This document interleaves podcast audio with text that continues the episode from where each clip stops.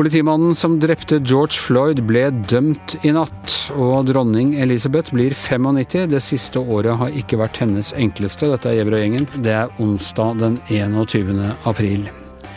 Uh, ja, Per Olav Ødegaard. Uh, hvor overraskende vil du si at uh, politimannen Chauvin, som da var ansvarlig for, for at George Floyd ble kvalt og drept hvor overraskende vil du si det var at han ble, ble dømt så utvetydig i retten? Vi satt jo og ventet ganske stor spenning på dette her sent i går kveld eh, norsk tid. Eh, og eh, når man tenker på hvordan sånne saker er blitt vurdert av rettsvesenet i USA tidligere, så mente jeg at her var egentlig alle muligheter åpne.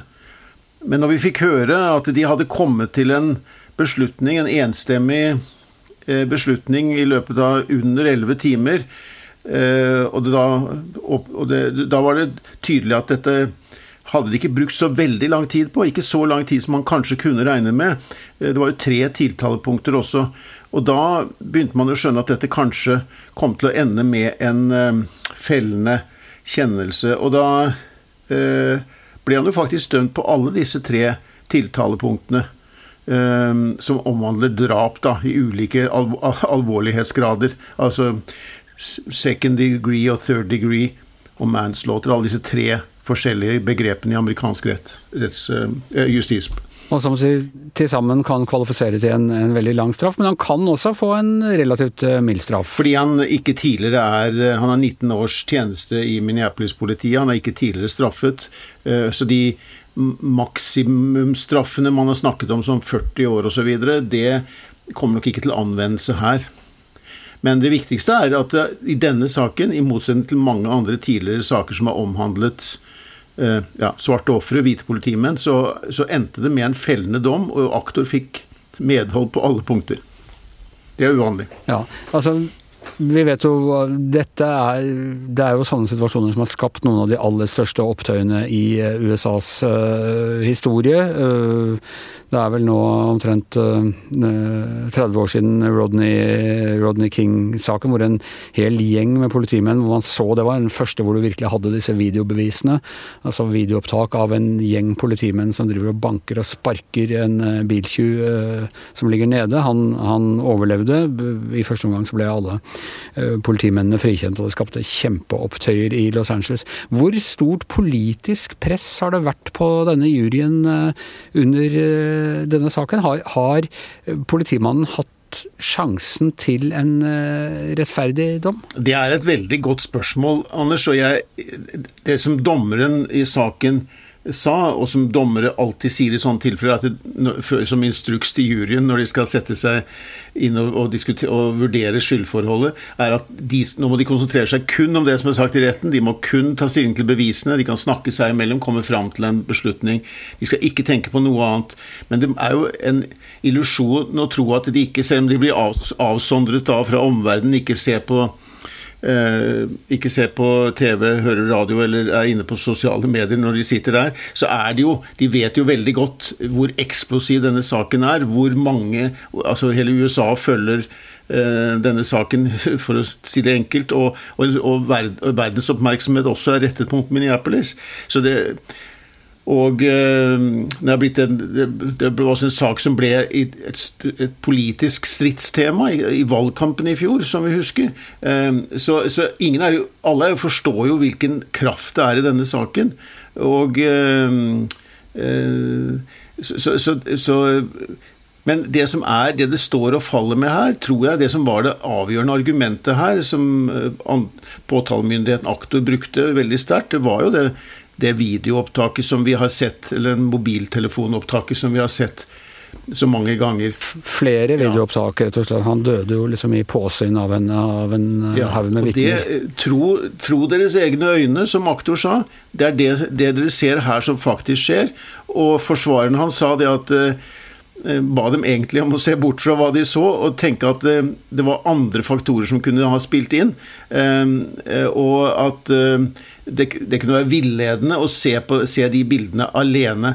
Men eh, her var alle tolv i, i, juryen da krystallklare på at eh, det de så, det var det som faktisk skjedde, eh, og de dømte ham på alle tre punkter. Ja, fordi eh, Forsvaret prøvde ikke å, å begrunne at, at, det var nødvendig eh, at, det var en, at han døde som følge av en bruk av en nødvendig eh, makt, men at det var andre ting som Eller at det i hvert fall var nok tvil rundt om Uh, om han døde av, av andre medisinske, uh, medisinske, forhold til at han, at han, han, da måtte frikjennes. Ja, og de mente at han da ikke hadde til intensjon og, og, og, og at det skulle få den tragiske slutt som det gjorde. Det var ikke hans, Og at han, uh, at han ikke bevisst brukte det de mente var ulovlige midler. Da. At han var innenfor Dette ble jo bestridt av mange, inkludert politisjefen i Minneapolis, som mente han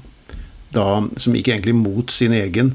Eh, ja, Politisjefen mente at han hadde brukt eh, unødig eh, tvang og, og vold. Nettopp. Og Det var også uvanlig i denne saken her at da en ledelse for politiet der da gikk ut mot en av sine ja, tidligere ansatte, får vi si. Men man må vel tro at det også var et visst eh, press på Eller at han følte et visst press, politisjefen. Det ville jo blitt voldsomme opptøyer ikke bare i Minneapolis, men, men, over hele USA. Vi diskuterte på morgenmøtet i kommentaravdelingen i dag dette at Biden går ut. altså Dette er jo ikke på noen måte noe rettskraftig dom. Den vil antagelig bli eh anket. Han har vel ikke godtatt eh, dommen ennå. I Norge vil det være veldig, veldig spesielt hvis statsministeren hadde gått ut og kommentert en dom. Eh, på den måten, men det ser det ikke ut som så mange reagerer på i USA. Nei, det som en del reagerer på, som jeg også eh, tok opp eh, kritisk når jeg skrev en kommentar om dette i natt, var jo at eh, Biden En ting var hva han sa etter at kjennelsen ble lest opp, men han kommenterte jo egentlig saken mens juryen satt sammen også, og før det var lest opp en, en kjennelse. Han sa da at han ba for at det ble en riktig dom, som han sa, og han snakket, omtalte bevisene som, i saken som overveldende.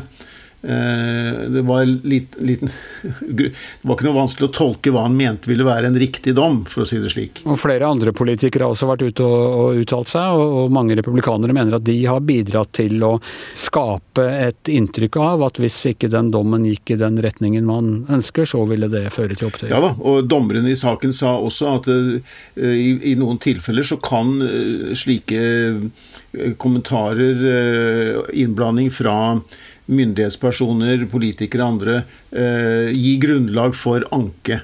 Eh, nå er det mange som stiller som er tvilsomme til det, om det er et ankegrunnlag i seg selv. Eh, og eh, Det er jo veldig vanlig i USA. Jeg tror nok det er en litt annen tradisjon der, og dette tror jeg vi husker både du og jeg, Anders, at det er i, i, i, slike saker som dette med stor samfunnsmessig betydning, så er det ikke uvanlig i det hele tatt at politikere kommenterer slike saker etter at en dom har falt. Nå kan man si at her er ikke straffeutmålingen skjedd ennå, og det kan, kan komme anke.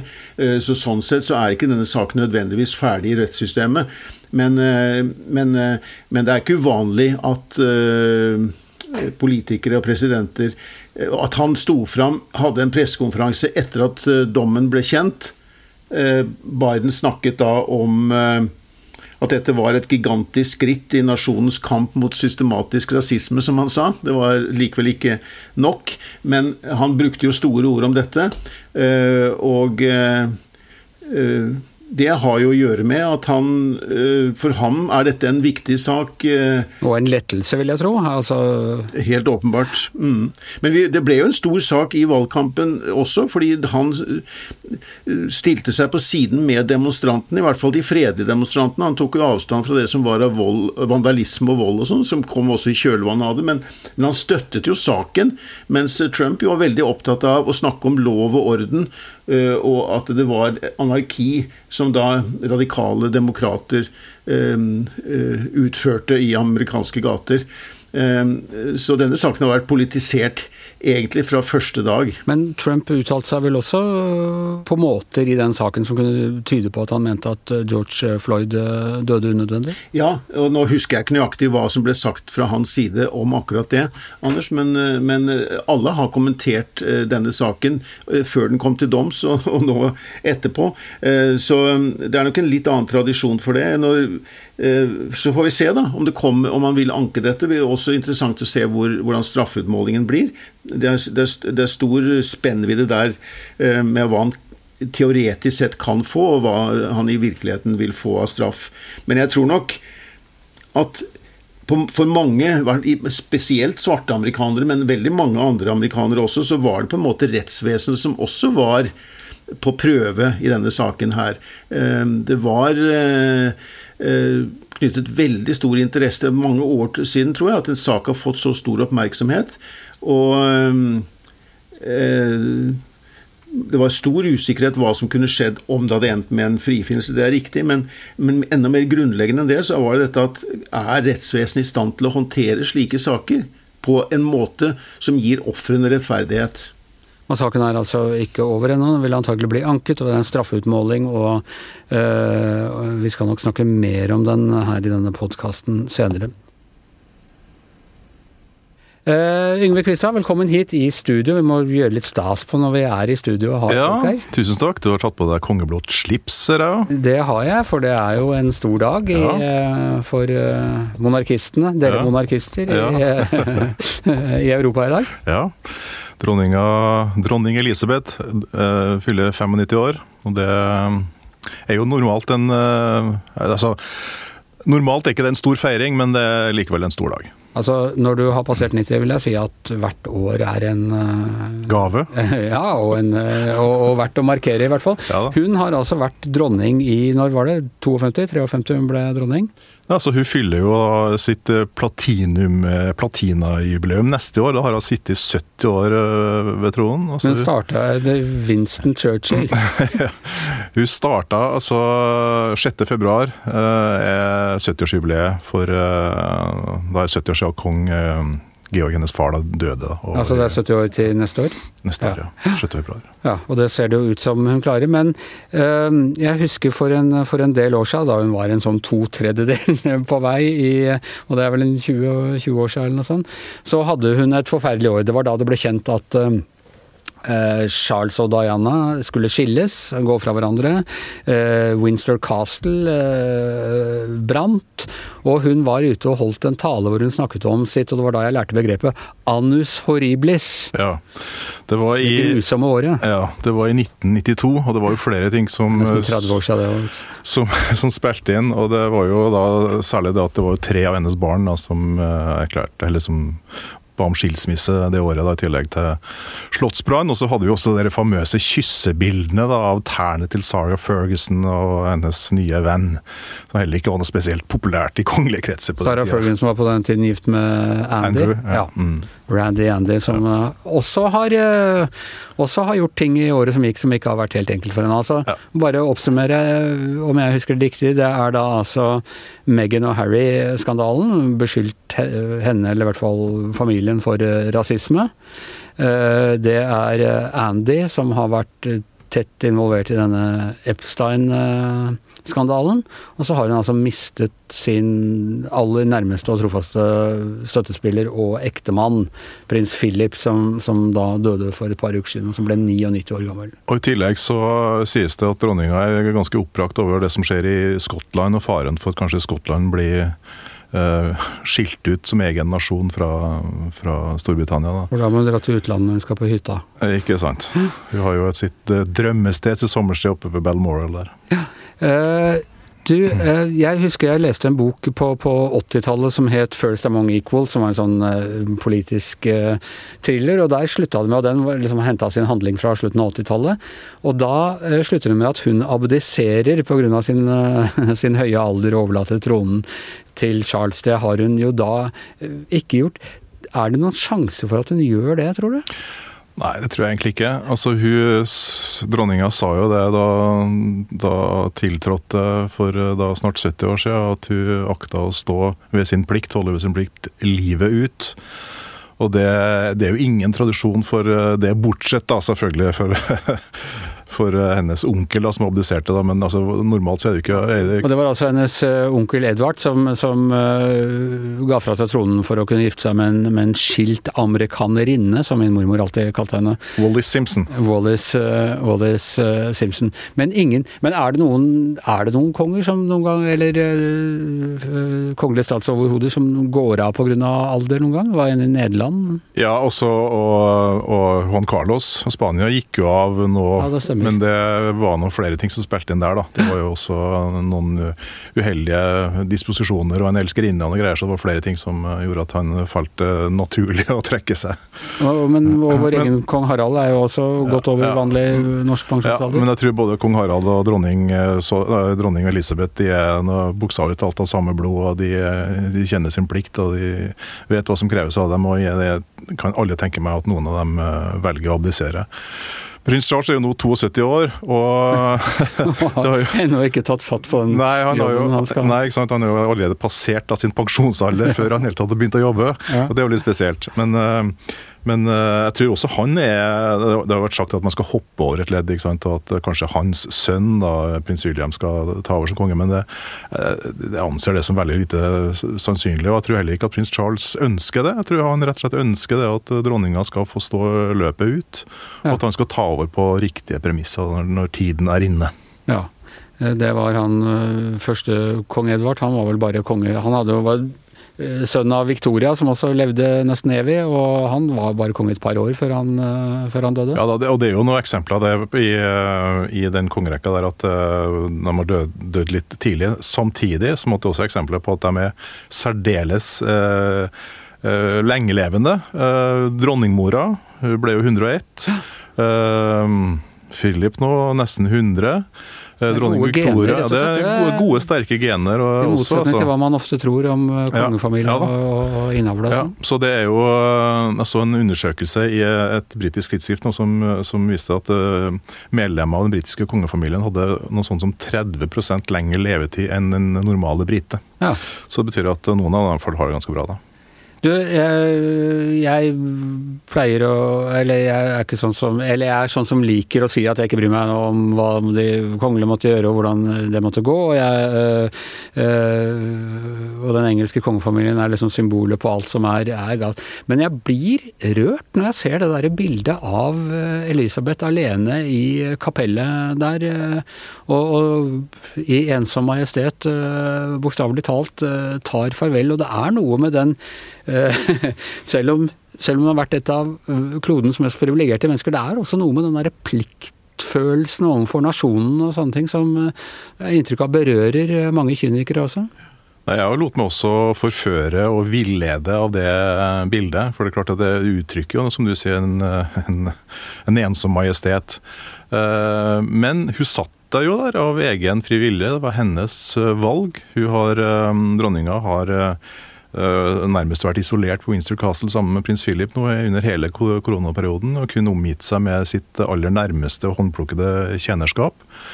Det at hun valgte å sette seg der uh, alene, uh, med god avstand til de andre, andre kongelige kohorter, det skyldes rett og slett hensynet til egen helse og hensynet til andres helse. Ja. Bare fulgte tometersregelen? Ja, rett og slett. Og, og altså, vi vet jo ikke hva som har foregått på bakrom og sånt. og Der har sikkert klemt hverandre i, på, på, Windsor Castle når de har møttes igjen i forbindelse med, med dødsfallet. Men så lenge at når de opptrår, offent, opptrer offentlig, så det er min oppfatning av, det, av, den situasjonen at da har dronninga hun er så kjent for sant, å lede per eksempel. altså Hun går foran med et godt eksempel. Nå står Storbritannia oppe i den verste pandemi på år og dag, i likhet med resten av, av, verden. Eh, de har en regjering som har sagt at eh, du skal holde avstand, du skal bruke munnbind osv. Jeg tror rett og slett at hun også sjøl i en situasjon der hun har mista sin eh, mann gjennom nærmere et trekvart århundre, så har hun vært veldig opp, opp, opptatt av at hun skal vise at hun sjøl da så respekterer de lover og regler og plikten og går foran alt, også foran egen familie. Så Derfor så ble det Jeg vet at veldig mange reagerte på at det var så tilsynelatende rigid, og at hun var så kald der jeg satt og sånn, men det, det, det, tror jeg er helt feil. Jeg tror det er akkurat et eksempel på, på det motsatte. Hun har tatt sitt ansvar for familien, for nasjonen, for monarkiet, og ikke minst for å følge og vise at de også følger lov og regler. Dette er jo det vi, alle vi som følger da både The Crown og, filmen The Queen, vi vet jo at dette er jo hennes store problem. Hvordan kommuniserer hun i, i, i sånne situasjoner? og Hvordan skulle hun oppføre seg under, etter Dianas død, og, og, og, hvordan ble hun tolket? Og hva er de små symbolhandlingene hun kan gjøre for å, for å nå ut til sitt folk? Ja, det er nettopp det. Og det, og det rett etter, etter, Dianas død så, så, ble det jo sagt og gjort litt narr av det at det første hun gjorde, det var å ta med seg prinsebarna og gå i kirka. Men tvert imot for henne så var det den naturligste ting i verden. Uh, hun går jo gjerne til messe to ganger hver søndag. altså Først sin private, og så den messa hvor hun da blir avfotografert i, i den uh, habitten som hun gjerne vil bli fremstilt i. Ja. Uh, uh, jeg tror jeg jeg ville slått to fluer i en smekk og tatt med denne biten. Og, og, og, dronning Elisabeth det sies om henne at hun er dypt religiøs, og det å um, som jo igjen også er et uttrykk for at hun ikke uh, var alene når hun satt i Ensom majestet igjen i, i St. Georg-kapellet der. Eh, jeg tror rett og slett at det var kanskje det beste stedet for henne å være. Hun eh, føler seg veldig hjemme i kirka, og den anglikanske kirka. Eh, vi snakket om litt her før podkasten starta, altså hun er jo the sovereign. Altså mm. Altså den suverene. Det også. Den suverene leder, er det det det betyr? Eller ja, den suverene overhodet? Hun er den eneste? Stats, statsoverhode, ja. ja.